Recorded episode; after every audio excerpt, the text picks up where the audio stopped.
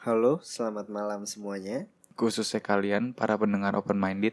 Balik lagi di Opini Tengah Malam Season 2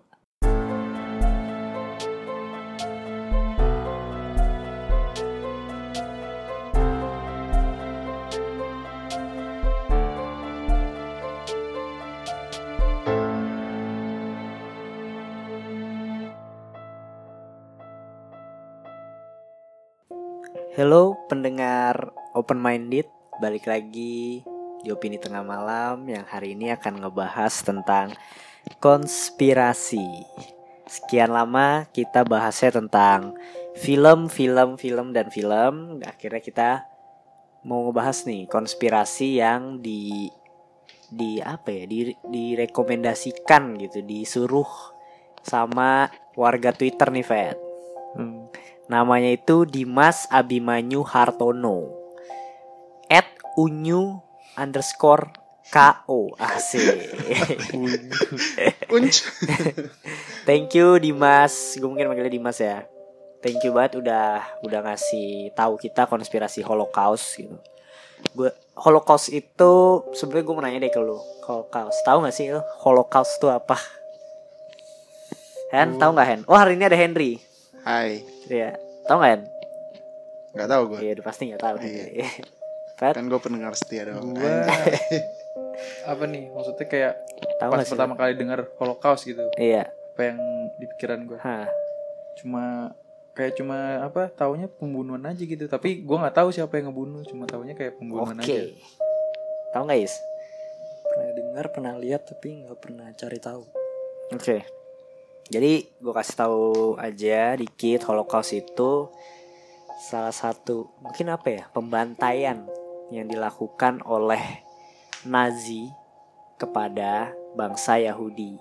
Nah sebelumnya gue mau ngasih tahu aja sih open minded aja dengerin ini gitu loh.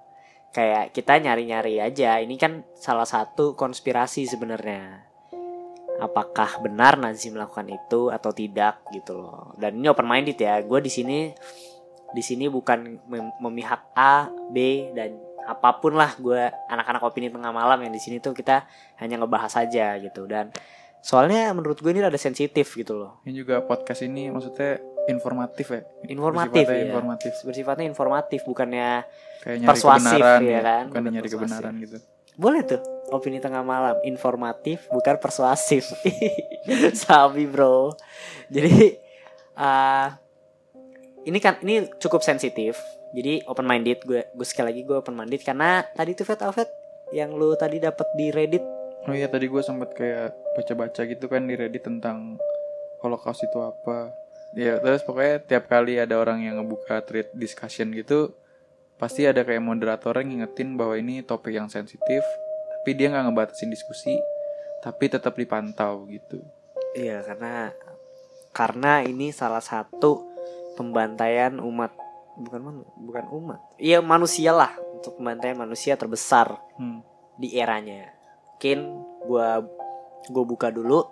Sebelumnya gue mau ngasih tahu nih, gue sebenarnya pengen jadiin ini satu satu episode aja. Cuma nanti kalau emang pembahasannya udah lebih dari 30 menit, mungkin akan gue cut, gue bagi jadi dua part kayak Chernobyl. Tapi gue akan nguploadnya nggak jauh lah dari hari Hmm. hari itu. Gue bakal ngebuka dulu. Pembantaian itu nggak terlepas dari sosok yang sungguh kontroversial. Iya. Bernama Adolf Hitler gitu. Mungkin dari namanya, lambangnya aja juga lu pakai sekarang juga wah anjir lu di penjara lu pasti kan gitu. Kalau di luar gitu, di luar gitu. Hmm. Oke. Jadi sebelumnya gue mau ngasih fakta unik nih. Hitler tuh dulunya mau jadi pelukis cuy sebenarnya. Ini gue serius. Ini gue serius.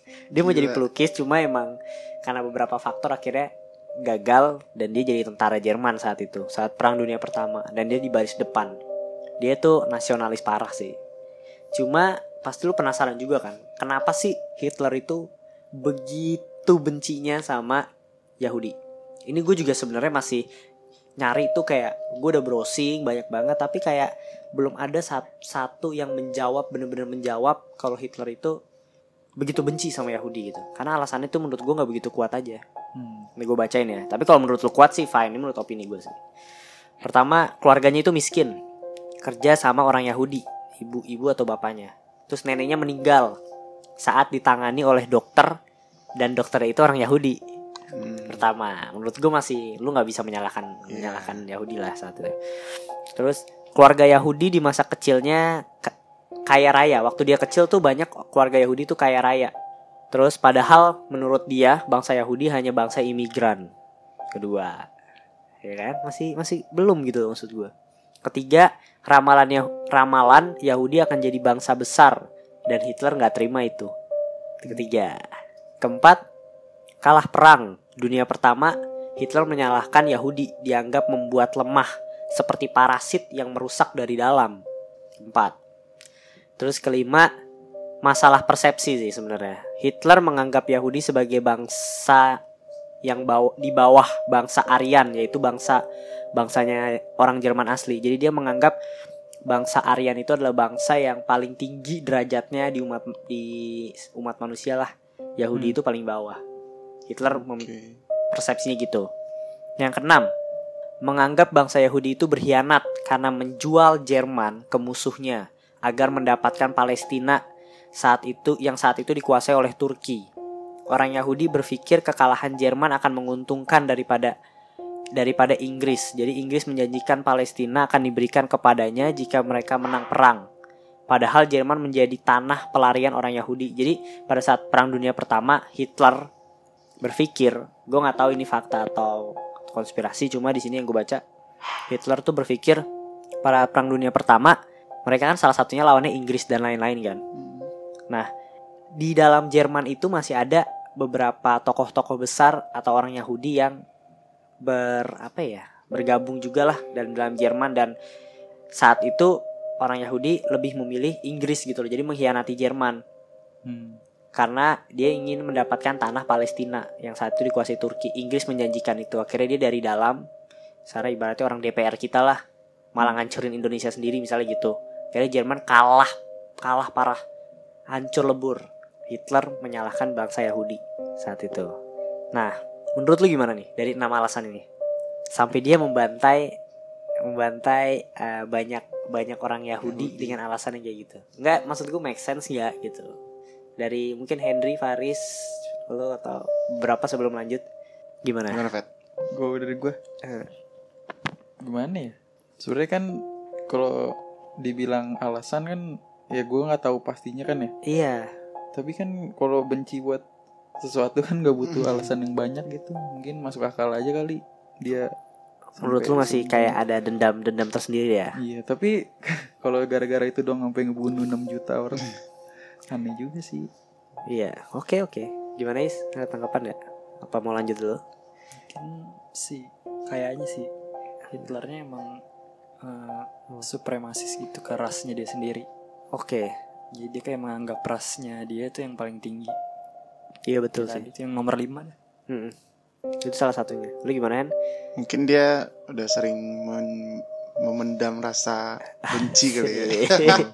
Dari awal rasa dari kecil ya. beratnya, Iya, dari kecil kan sampai udah gede makin Jadi lama makin ya. benci gitu. Oke oke lanjut dulu ya. Ini gue mau ngasih ada ada satu alternatif ending asik. Jika menang perang dunia kedua orang ya jika jika Nazi saat itu eh jika bukan Nazi di situ Nazi belum ada. Jika Jerman saat itu menang du- perang dunia kedua Yahudi dunia Yahudi di dunia itu akan musnah. Dan hingga sekarang tujuan Hitler masih abu-abu. Belum ada kejelasan siapa yang benar karena hit Oh, maksudnya gini. Kalau ya Jerman menang menang perang dunia kedua Hmm. saat Nazi ya, bukan tadi gue salah. Yang kalau dia menang perang dunia kedua, Yahudi akan musnah yang kedua. Dan di sini yang jadi konspirasinya itu tujuan Hitler tuh masih abu-abu. Nggak ada kejelasan kenapa dia begitu benci sama Yahudi. Nah, terus saat Hitler kalah, Hitler kalah, dia pernah pernah berkata kayak gini, pemenang peranglah yang akan menulis sejarah. Paham nggak? Maksudnya, jadi kan selama ini sejarah itu menuliskan ini ini gue bukan bukan opini gue ya, tapi gue baca sekali lagi. Ini gue dari banyak sumber. Bilang gini, intinya tuh sejarah sekarang kan Jerman itu Nazi itu membantai 6 juta Yahudi yang saat itu di Eropa ada 9 juta lu bayangin. Parah nggak tuh? Maksudnya pembantaiannya parah banget ya Tapi Hitler tuh nggak nggak maksudnya malah bilang kayak pemenang perang lah yang menulis sejarah. Intinya kayak ya karena lu menang lu bisa ngomong kayak gitu. Mungkin yang dimaksudkan Hitler kayak gitu ya.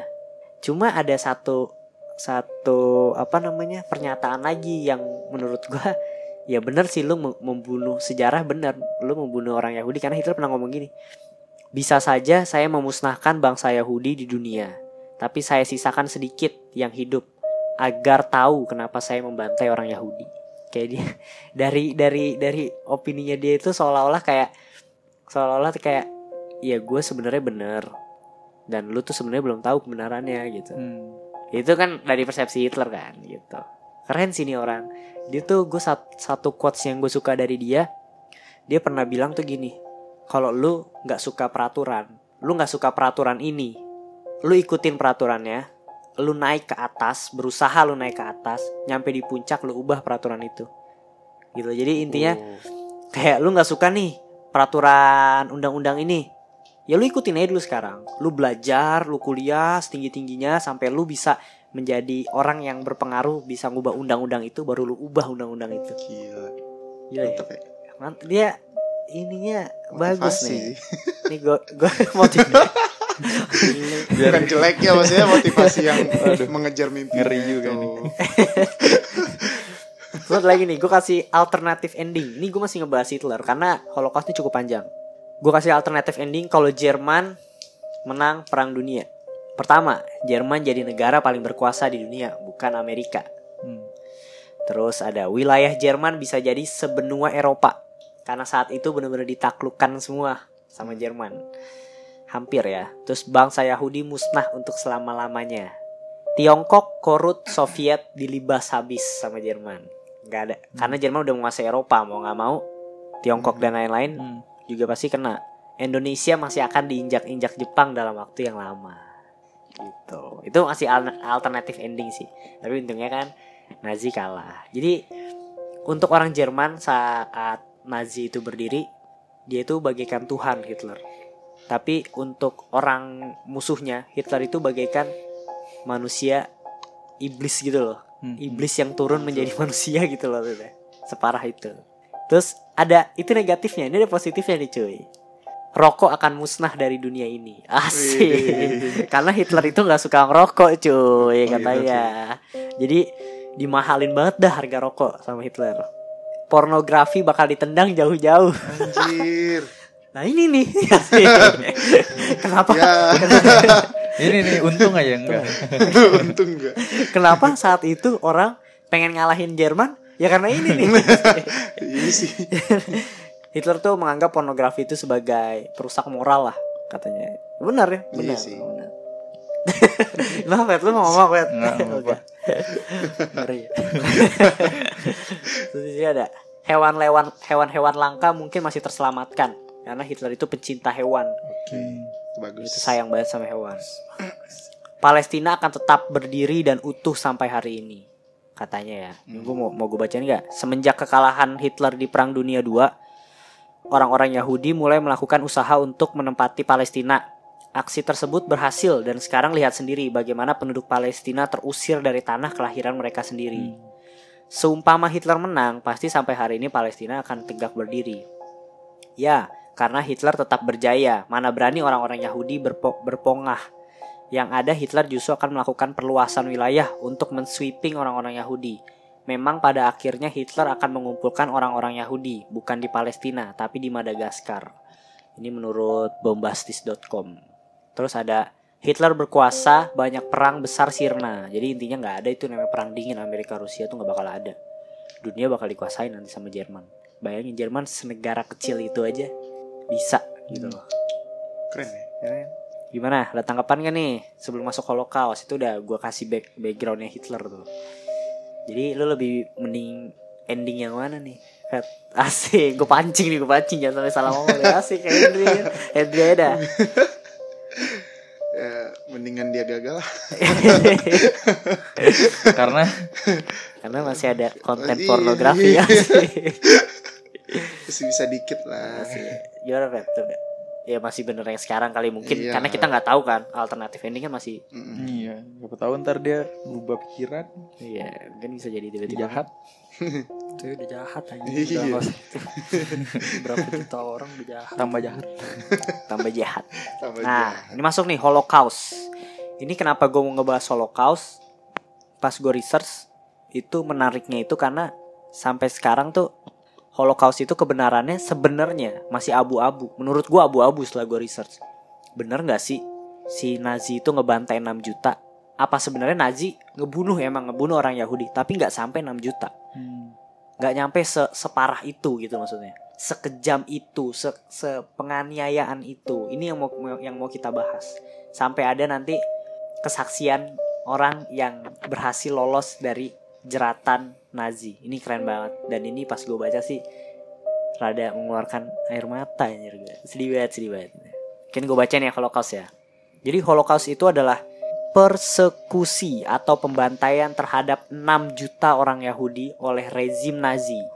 Dan kolaboratornya secara sistematis, birokratis, dan disponsori oleh negara. Nazi naik kekuasaan di Jerman pada Januari 1933. Mereka meyakini Jerman sebagai ras unggul. Mereka mengklaim Yahudi sebagai ras inferior dan ancaman bagi orang yang dinamakan masyarakat rasial Jerman. Nah, Holocaust dikenal pula sebagai soah dari bahasa Ibrani adalah penghancur. Itu jadi uh, yang dilakukan Hitler saat itu. Mungkin begitu dendamnya dan begitu cintanya sebenarnya dia sama Jerman. Karena gini, setelah Jerman kalah di Perang Dunia Pertama, pengem- uh, Jerman itu han- hancur lebur, Vet.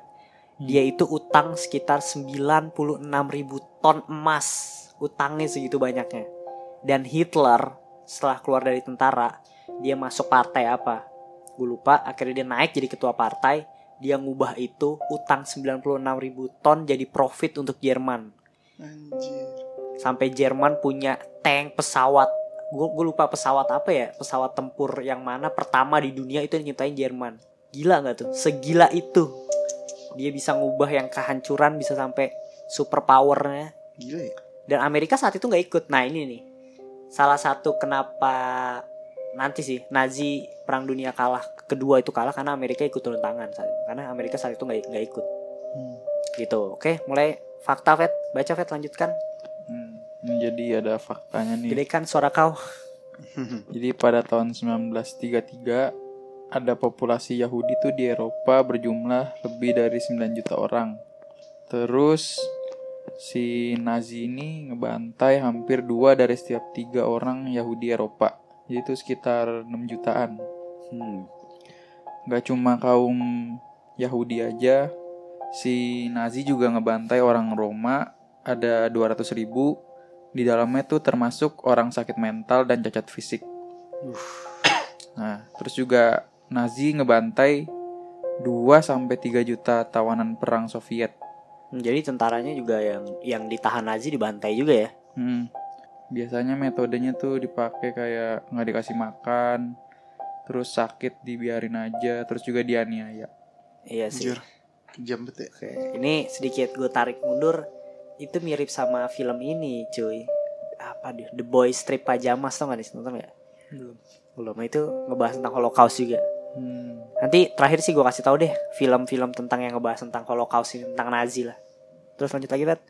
Terus juga ada warga sipil Polandia yang bukan Yahudi dibuat kerja paksa sama Jerman. Oke. Terus juga kebanyakan dari mereka tuh tewas juga tuh gara-gara nggak dikasih makan, kecapean. Gue tambahin. Mereka itu meninggal ya oke penganiayaan oke, tapi ada juga dijadikan bahan eksperimen. Hmm. Apa sih namanya eksperimen manusia gitu loh. Yang waktu itu kita bahas mana sih? ada ada beberapa yang kita bahas. Kalau nggak salah gue pernah ini gue pernah baca juga apa namanya ah bukan manusia ke gue lupa sih gue takutnya salah ngomong ini. Pokoknya antara manusia dan hewan gitu loh. Terus masalah ini yang sperma manusia yang masalah dimasukkan ke hewan atau atau sebaliknya gitu gue lupa. Dia kayak mau nyiptain monster gitu loh. Jadi misalnya anak Yahudi nih ah, anak kecilnya diambil di bahan eksperimen. Entah entah organ tubuhnya dan lain-lain. Cuma nih yang jadi pertanyaan gue ini mungkin gue nggak tahu mungkin kita bisa bahas lagi next time cuma cuma ini aja ya. Itu tuh sampai sekarang nggak nggak pernah ketahuan eksperimennya Nazi itu berhasil dari sekian banyak itu berhasil satu pun aja nggak tahu. Gimana menurut lo? Menurut gue sih kayaknya ada sebenarnya dia yang yang aneh-aneh gitu loh maksud gue karena gila dia vape eksperimennya. Zombie kali. Iya mungkin banyak yang jadi film gitu kan akhirnya kan Oke lanjut lagi nih Holocaust Is Mungkin bisa ditambahkan Asik. Ini, akan panjang Selanjutnya ada camp konsentrasi dan camp kerja paksa. Jadi di tahun 1933 Nazi itu bikin eh, camp yang digunakan buat menahan, menyiksa sama membunuh narapidana-nya. Seperti para komunis sama orang-orang politik gitulah. Tapi akhirnya Nazi malah menjarain orang-orang Yahudi gitu-gitu, Gypsy dan jurnalis-jurnalis yang kritikal. Dan mereka-mereka yang dianggap dalam tanda kutip berbahaya oleh Nazi. Nggak cuma disiksa, mereka juga diperintahkan untuk bekerja paksa selama 12-14 jam dalam satu hari dan dibiarkan kelaparan Berapa berapa tadi? 12-14 jam Anjir Terus sampai kelaparan. Nah, gara-gara itu banyak yang mati. Jadi matinya gara-gara kecapean, kelaparan, bukan gara-gara disiksa doang. Iya, iya. Gila ya. Nah, Slow but sure. apa se- seringnya di seringnya di daerah-daerah yang banyak populasi Yahudi, kaum terpelajar Polandia, komunis dan Gypsy. Camp konsentrasi terkejam adalah camp konsentrasi di Jasenovac di Serbia. Terus selanjutnya ada camp pemusnahan. Camp pemusnahan pertama yang dibuka adalah Camp Chel Chelmno. Kim Cium. Tapi gue mau kasih tau camp itu Chill. mungkin buat orang yang nggak tahu Camp tuh kayak satu Ya apa sih? Camping. Bukan camping sih tempat Tempat gitu loh Ah, komplek komplek Bukan, tem- bukan komplek anjir Gimana ya? Ya camp sih Camp jatuhnya Ya, Camp Iya, camp lah pokoknya lah. Gue ntar gue kasih gambarnya deh takutnya miss gitu loh Oke Camp Chelmno. Oke untuk tujuan pemusnahan massal dengan yang berskala besar.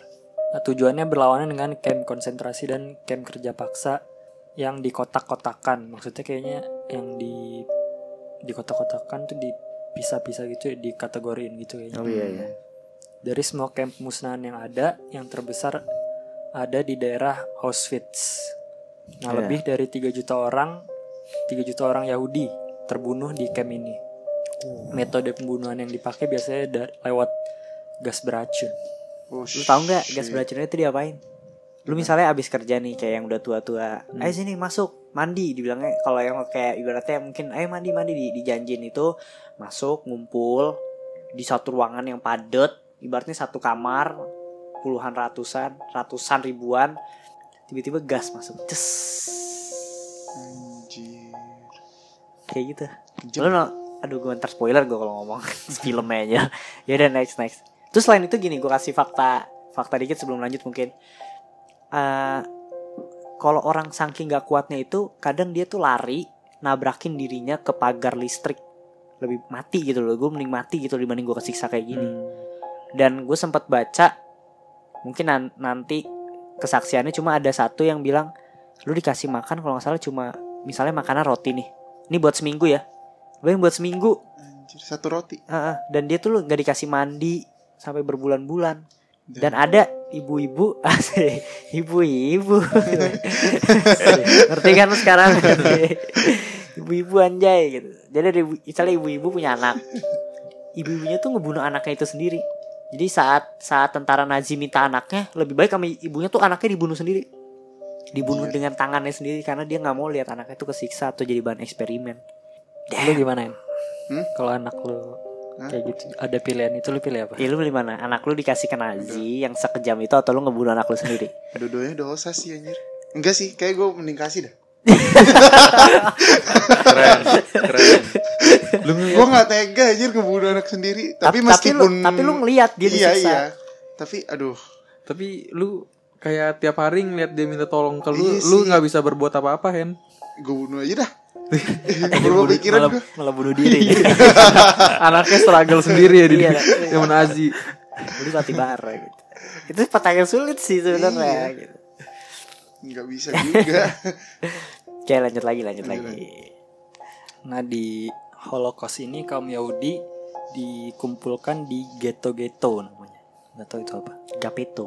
Nah di sana mereka di kota-kotakan. Nah di kota-kotakan ini maksudnya diseleksi atau dipilih-pilih. Jadi Jadi kayak eh, ini. orang mana yang yang bisa digunakan buat eksperimen atau percobaan medis dan yang nggak bisa. Nah yang nggak bisa disuruh pulang. eh, tinggalin barang-barangnya terus dimasukin ke Gas. konsentrasi. Camp konsentrasi tuh camp yang mana tadi? Yang awal tadi yang dibuat bu- buat nyiksa, buat bunuh kerja 12 jam tahanan-tahanan. 14 jam. Iya. Wah gila-gila. Gimana nih Fed? Itu tadi Holocaust pemusnah 6 juta orang Yahudi di di banyak camp-camp itu. Dan gue yakin gue ngelihat separah itu, sekacau itu cuma dari tulisan, artikel dan lain-lain belum maksudnya nggak terlalu detail menjelaskan separah apanya gitu loh maksud gue mungkin karena ditutupi terlalu kejamnya dan lain-lain kan gue nggak tahu cuma nanti dari kesaksian orang-orang ini akan gila gitu loh. Gimana tanggapan dulu deh dari camp-camp ini? Ini dari camp-camp ini. Lu bayangin kalau lu di camp cuma- itu sih. Kayak lu ibaratnya lu masuk camp itu tuh kayak udah lah gue mau hidup gue mending gue mati sekarang atau enggak Hmm. sooner later lu Pidana. langsung mati. Itu dua kan. Tapi yang tadi kayak emang kayak Faris bilang itu dia apa yang supremasi apa Riz? ras. Yang dia ngerasa rasanya paling tinggi itu kali ya. Soalnya dia tadi kan ngebunuh orang Roma juga orang Gipsi. Kayak bukan cuma dendam ke Yahudi doang kali ya. Tapi iya iya itu mungkin satu faktornya. Cuma yang gua di situ ada apa ya? Maksud gua di situ Hitler be- betapa pinternya, betapa berpengaruhnya sampai dia bisa mencuci otak para Bawahannya. iya para Jer- Jerman di saat itu gitu loh. Oke. Karena dia juga salah satu dia juga pernah ngomong gini. Gue tuh banyak sebenarnya quotes Hitler ya. gue suka baca tuh karena dia karena ada yang ngomong gini. Kebohongan yang diucapkan berkali-kali akan menjadi kebenaran gitu. loh. Jadi lu jejelin Hmm. aja tuh orang kebohongan. Misalnya lu bilang itu gajah, enggak bukan itu sapi. Anak-anak kecil lo gituin, itu gajah enggak bukan itu sapi. Dia ngomong itu enggak itu sapi, itu sapi, itu sapi, itu sapi sampai akhirnya dia ngomong itu sapi. Hmm. Sampai akhirnya dia ngerasa oh iya diri gue yang salah, dia yang benar. Gila ya? Anjir. propagandanya dia, persepsinya dia. Emang dia jenius sih ya. Cuma Nah, emang gila aja. High Kayaknya menurut intelligent. emang dia eh, serial killer yang punya power ya. Heeh. Yang nggak kayak dia pembunuh berantai yang punya kuasaan gitu loh. Jadi dia bisa bebas ngebunuh siapa aja. Tapi perjalanan dia sampai atas tuh nggak gampang juga sebenarnya. pasti Hebat ya dia. Tuh cocok lawan pengkor aja. Engkor. Iya. Oke. Mungkin langsung gue bacain aja nih ya. Kesaksian para orang yang cabut berhasil lolos dari neraka Holocaust. Ada tiga orang nih. Sebenarnya ada be- beberapa. Satu ilmuwan cuma nggak gue baca. Gue bacain tiga ini aja ya. Sebenarnya gue dari kaskus nih. Sekarang udah berapa? 30 menit. Mungkin kalau setelah gue baca ini kalau kalau nyentuh 40 mungkin gue cut part 2 aja lah yang untuk untuk selanjutnya konspirasinya. Oke ya. Cerita pertama dari seorang kakek yang bernama yang menjadi tawanan di kamp konsentrasi Nazi ketika masih remaja. Inilah cerita ketika di hari di mana dia bebas dari kamp neraka tersebut. Oke, dengerin baik-baik nih. Aku masih bermimpi buruk, tentunya setelah berbulan-bulan bebas dari kamp tersebut. Terbangun dan mengira bahwa aku masih di dalam camp. Lalu sadar bahwa aku berada di atas ranjang yang empuk. Aku sungguh bahagia. Udah gitu. Enggak lah. Pada waktu di camp tersebut, aku berteman dengan dua anak Polandia. Aku bertiga selalu bangun saat subuh. Kami tidak terbiasa untuk tidur di barak. Hampir semua orang di barak juga jarang untuk tidur nyenyak. Yang terdengar di barak hanyalah suara tangisan, jeritan, dan berdoa. Tidak jarang ketika kami bangun, orang di sebelah kita sudah tidak bernyawa. Anjir. Setiap hari hanyalah rutinitas yang menguras peluh. Jika ada kejadian yang tidak biasa, kami mencari tahu apakah itu kabar baik atau kabar buruk bagi kita. Suatu pagi kami bertiga berjalan-jalan dan melihat menara pengawas kosong. Tidak terlihat satupun penjaga berdiri di sana. Kami penasaran dan mengendap-endap memeriksa gerbang. Tidak ada seorang pun penjaga terlihat. Rantai dan gembok masih terpasang.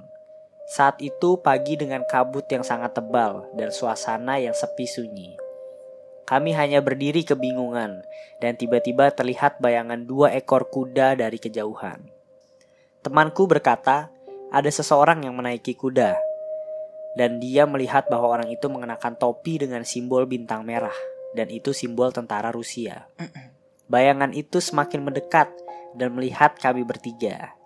Tentara itu berkata, "Saya yang bertugas menjaga kalian di sini. Kalian jangan keluar dulu karena kalian mungkin memiliki penyakit menular. Kalian penuh dengan kutu dan kalian belum mandi selama berbulan-bulan." Dia menembak gembok dan melepas rantai dari gerbang. Dokter akan datang, obat dan makanan juga akan datang dengan cepat. Kami bertiga langsung secepatnya berlari, berlari melewati semua barak dan berteriak, "Kita berhasil, kita bebas!" dalam bahasa dan Jawa. Da- dalam berbagai bahasa. dalam bahasa Jawa. Jancore. Lu rusak suasana nih, Peta. Males gue.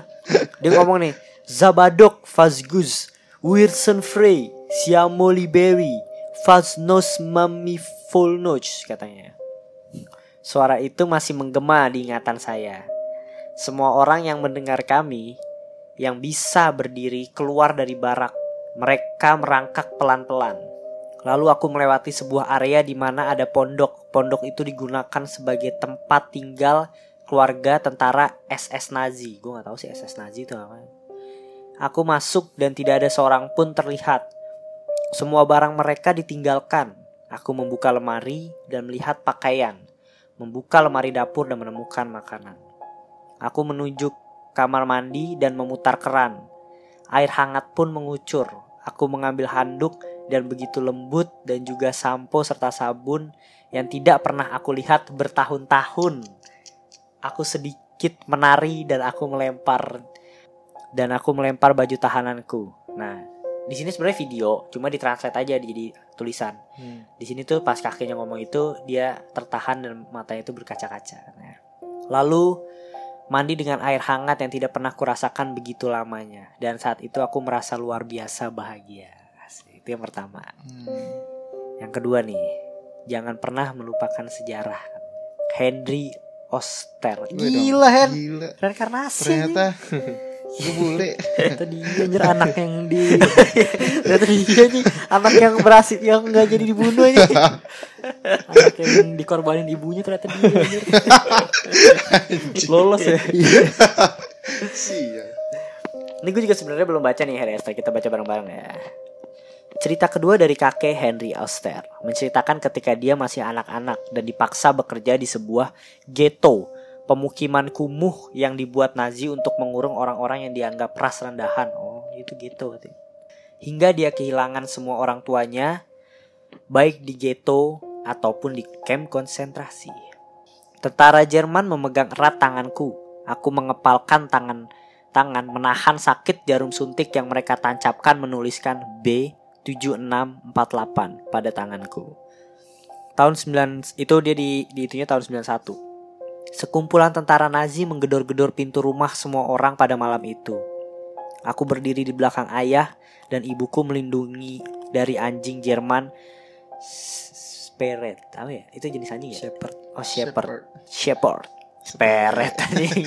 Spirit. Sorry Jawa banget nih ya sih Yang dibawa oleh tentara Nazi itu Kami sekeluarga dan banyak orang dipindahkan di sebuah ghetto di Lodge Di ghetto aku disambut banyak dengan Dengan orang yang matanya begitu kosong Layaknya semangat hidup mereka sudah tidak ada Dan berjalan mondar-mandir seperti mayat hidup Ayahku dipaksa bekerja memperbaiki pagar listrik berduri yang mengelilingi pemukiman.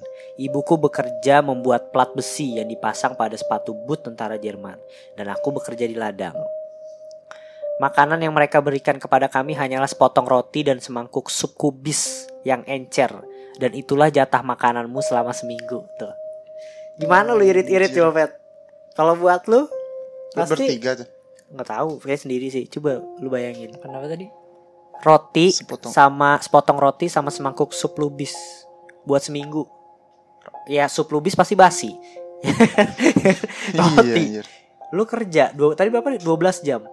12 sampai Dua- 14 12 jam. sampai 14 jam. Seminggu lu harus bertahan. Ini aja kita setiap datang ayam geprek, ayam geprek. Tiga jam Dia sekali roti, Dia makan. roti loh, Pet. Aku bisa selamat karena aku memiliki cara menyembunyikan makanan diam-diam. Aku yang yang dia curi. Apabila saat itu tentara Nazi menemukan makanan yang kucuri, mungkin aku sudah menjadi bahan hiburan hari, di hari Minggu, di mana banyak orang digantung diiringi suara tawa para tentara Nazi itu. Anjir. Suatu hari ayahku pulang setelah bekerja. Dia begitu lemah dan kurus, berbaring di lantai dan dia pun pergi selama-lamanya. Sedih banget ya. Sudah bias sudah biasa jalanan di ghetto dipenuhi dengan mayat-mayat. Mereka yang meninggal di hari sebelumnya. Setiap pagi akan ada truk yang mengangkut mayat-mayat. Setiap pagi loh pasti ada Anjir. mayat loh.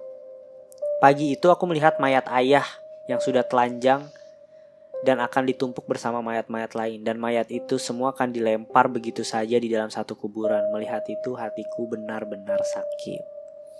Tahun 94 aku dan ibuku dibawa ke camp Auschwitz. Seorang tentara Nazi menyeret ibuku dan berkata, "Kamu berdiri di grup sana." Dan saat itulah aku merasa bahwa aku tidak akan pernah melihat ibuku lagi. Aku bahkan tidak sempat mengucapkan selamat tinggal kepada ibuku. Apain? 44 ya gue. Tahun 44 gue bilang. 94 gue denger ya. 94. 94 kan. Iya kan? Iya, empat empat tuh ya. Sorry sorry sorry sorry. Bagus ya. Mereka mencukur rambut semua orang, membersihkan badan kami dengan cairan kimia yang begitu perih di kulit. Aduh, dia kejam banget ya. Aku melihat sebuah bangunan dengan asap tebal dan membumbung tinggi serta dengan baunya yang begitu menyengat. Satu tahun kemudian aku dinaikkan di kereta menuju camp Buchenwald. Aku berdiri berdesak-desakan dengan kereta yang seharusnya diperuntukkan mengangkut barang dan suara pesawat terdengar di atas dari celah kami melihat dari celah kami melihat pesawat tempur tentara Prancis dan Inggris. Bukan untuk menyelamatkan kami. Mereka menembaki kereta. Kami kereta kami mengira kami adalah tentara Jerman. Sekitar 30 hingga 40% persen penumpang kehilangan nyawanya di kereta barang itu. Gila nih gue ngeliat masa apa masa kecilnya dia tuh Menyedihkan. Iya anjir, survivor anjir. Di camp ini hampir sama seperti sebelumnya. Mereka yang bisa bertahan dengan sepotong roti dan semangkuk sup lebih memilih untuk bunuh diri. Dia nggak bisa bertahan. Tidak jarang mereka melompat ke arah pagar listrik dan mencari cara agar tentara Jerman menembak mereka untuk mengakhiri neraka mimpi buruk yang tidak pernah berakhir. Pada tanggal 1 9 April 95, makanan tidak dibagikan sama sekali. Pada tanggal 11 April 95, aku mendengar suara tank yang tidak biasa. Suaranya itu bukanlah suara tank milik tentara Jerman. Aku melihat simbol bintang David putih yang merupakan seragam dari komandan pasukan 3 Amerika yang dikomandai oleh Jenderal George Patton. Setelah itu Henry tinggal di panti asuhan di Prancis pada tahun 46 dia tiba di Los Angeles dan tinggal bersama paman dan bibinya. Henry mengambil kuliah untuk menjadi optometris, dokter spesialis mata. Dia telah praktek sel- selama 60 tahun sebagai dokter di Beverly Hills dan pensiun sejak tahun 2014. Sangat susah telah memasuki umur 88 tahun dan melihat dunia ini tidak berhenti berkonflik. Aku telah melihat Kosovo, Somalia, Darfur, Rwanda dan 20 peristiwa genosida yang masih terjadi setelah Perang Dunia Kedua. Jadi itu kisahnya si Henry Yantedi. Ini masih ada terakhir itu ada satu kisah dari Eva Mozeskor. Baca nggak nih? Baca Oh, kali ya? banget ya. Enggak sih nggak terlalu. Hajar. Hajar. Gantian Hen baca Hen. Gue. Iya. Oke kan. Gue males nih biasanya ada ada ada yang Typo bisa. typo pasti. Oke. Lu scroll aja. Cerita terakhir dari nenek nenek nenek Eva Moseskor. Oke. Eva merupakan salah satu dari pasangan anak kembar yang menjadi kelinci percobaan seorang dokter Nazi. Namanya adalah Dokter Mengele. Dokter Mengele ya itulah ya. Di camp konsentrasi Auschwitz. Nama akhirnya Eva menceritakan suatu keajaiban untuk bisa melakukan sesuatu yang membebaskan jiwa dari kebenciannya. Katanya, dan eh sorry. Aku lahir di tahun 1934. Aku dan Miriam merupakan kembar bersaudara dari keluarga kecil di sebuah desa kecil di Transylvania, Romania. Transylvania, Romania. Transylvania tuh? Iya. Oke, lanjut. Ngomong ala ya. Tahun 1944, ketika Perang Dunia Kedua berkecamuk, Eva dan semua keluarganya serta banyak orang lain dipaksa untuk pindah menggunakan kereta barang ke kamp konsentrasi Auschwitz. Suasana benar-benar kacau saat itu. Orang-orang kebingungan, menangis, saling mendorong, ingin mencari tahu mereka di mana. Tentara tentara Nazi hanya mengelompokkan orang-orang tersebut dalam beberapa grup. Dikelompokkan berdasarkan siapa yang akan hidup dan siapa yang akan mati. Aku saat itu hanya berputar-putar mengelilingi sekelilingi sekelilingku mencari tahu apa sebenarnya tempat ini. Dan secara cepat, ayah dan kakak perempuanku sudah tidak terlihat lagi. Aku dan Miriam memegang erat tangan ibu supaya kami tidak terpisah di kerumunan. Tentara Nazi berteriak-teriak mencari anak kembar dan lalu dia melihat aku dan Miriam. Dia ternya, bertanya, apakah anak kembar kepada ibu? Sorry, Dia bertanya, apakah, kami anak kembar, kepada ibu? Nah, ibu mengiyakan dan bertanya, apakah itu hal yang bagus bagi anak kembar? Tanpa berjawab, tanpa menjawab, ibu dan kami berdua diseret ke arah yang berbeda. Ibu hanya bisa menangis melihat kami terpisah. Dan saat itu, aku tidak sadar bahwa itulah terakhir kalinya aku melihatnya. Hanya setengah jam sejak turun dari kereta itu, aku sudah tidak akan melihat keluargaku lagi selama-lamanya. Aku hanya memiliki Miriam satu-satunya di keluargaku saat itu. Semua anak kembar akan dijadikan kelinci percobaan dokter Mengele. Kami disebut sebagai Mengele Twins. Dr. Joseph Meng- Mengele yang dikenal sebagai malaikat maut memiliki misi untuk menemukan cara bagaimana meningkatkan kelahiran ras suku Arya. Gila ya. Dia sampai sampai pengen meningkatkan suku Arya itu ya. Ntar deh, ntar deh. Baca dulu sampai habis. Setiap pagi, kami disuruh berbaris. Aku dan Miriam akan menjalani tes percobaan di hari Senin, Rabu, dan Jumat. Kami akan ditelanjangi di sebuah ruangan. Mereka mengukur semua anggota tubuhku dan Miriam. Suatu hari, tanganku diikat dan mereka mengambil banyak darah dari tanganku. Lalu, lalu mereka menyuntikkan lima suntik yang berisi cairan yang tidak aku tahu apa isinya hingga hari ini. Se- Setelah suntikan itu, aku menjadi sangat sakit dan demam tinggi. Anjir kasihan banget. Tangan dan kaki menjadi beng- bengkak, sorry.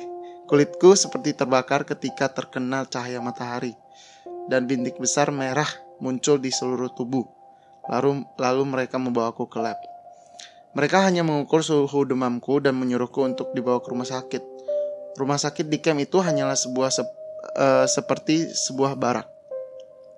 Banyak orang sekarat berbaring dan mereka terlihat seperti manusia yang siap mati. Besok paginya, Mengele datang melihatku bersama dokter lain yang hanya berkata, sayang sekali, anak yang masih sangat muda umurnya tinggal dua minggu. Wow. Keren kau Gila mengele. ya. Selama dua minggu ke depan di barak itu, yang bisa ku ingat jelas adalah aku merangkak dan dalam ketakutan. Kakiku tidak bisa berjalan. Aku harus merangkak dan merangkak hanya untuk meraih sebuah keran air di ujung barak. Saat merangkak, terkadang aku kehilangan kesadaran dan terbangun kembali. Merangkak dan berkata berkali-kali bahwa aku harus selamat, aku harus selamat, aku harus tetap hidup. Terus dua minggu terlewati, demamku mulai turun dan butuh tiga minggu lagi hingga demamku benar-benar hilang. Aku melihat Miriam duduk dan terdiam di se- sebuah bilik di barak itu. Aku bertanya apa yang mereka lakukan padanya. Dia hanya berkata bahwa dia tidak berani menceritakannya. Pada tahun 1945, tentara Soviet membebaskan Auschwitz. Aku dan Miriam tidak membicarakan Auschwitz hingga tahun 1945. Di tahun eh sorry 85. Eh, akibat suntikan itu baru terasa ketika Miriam akan memiliki anak pertama. Dia mengidap infeksi ginjal yang parah yang tidak bisa disembuhkan meski diberi antibiotik.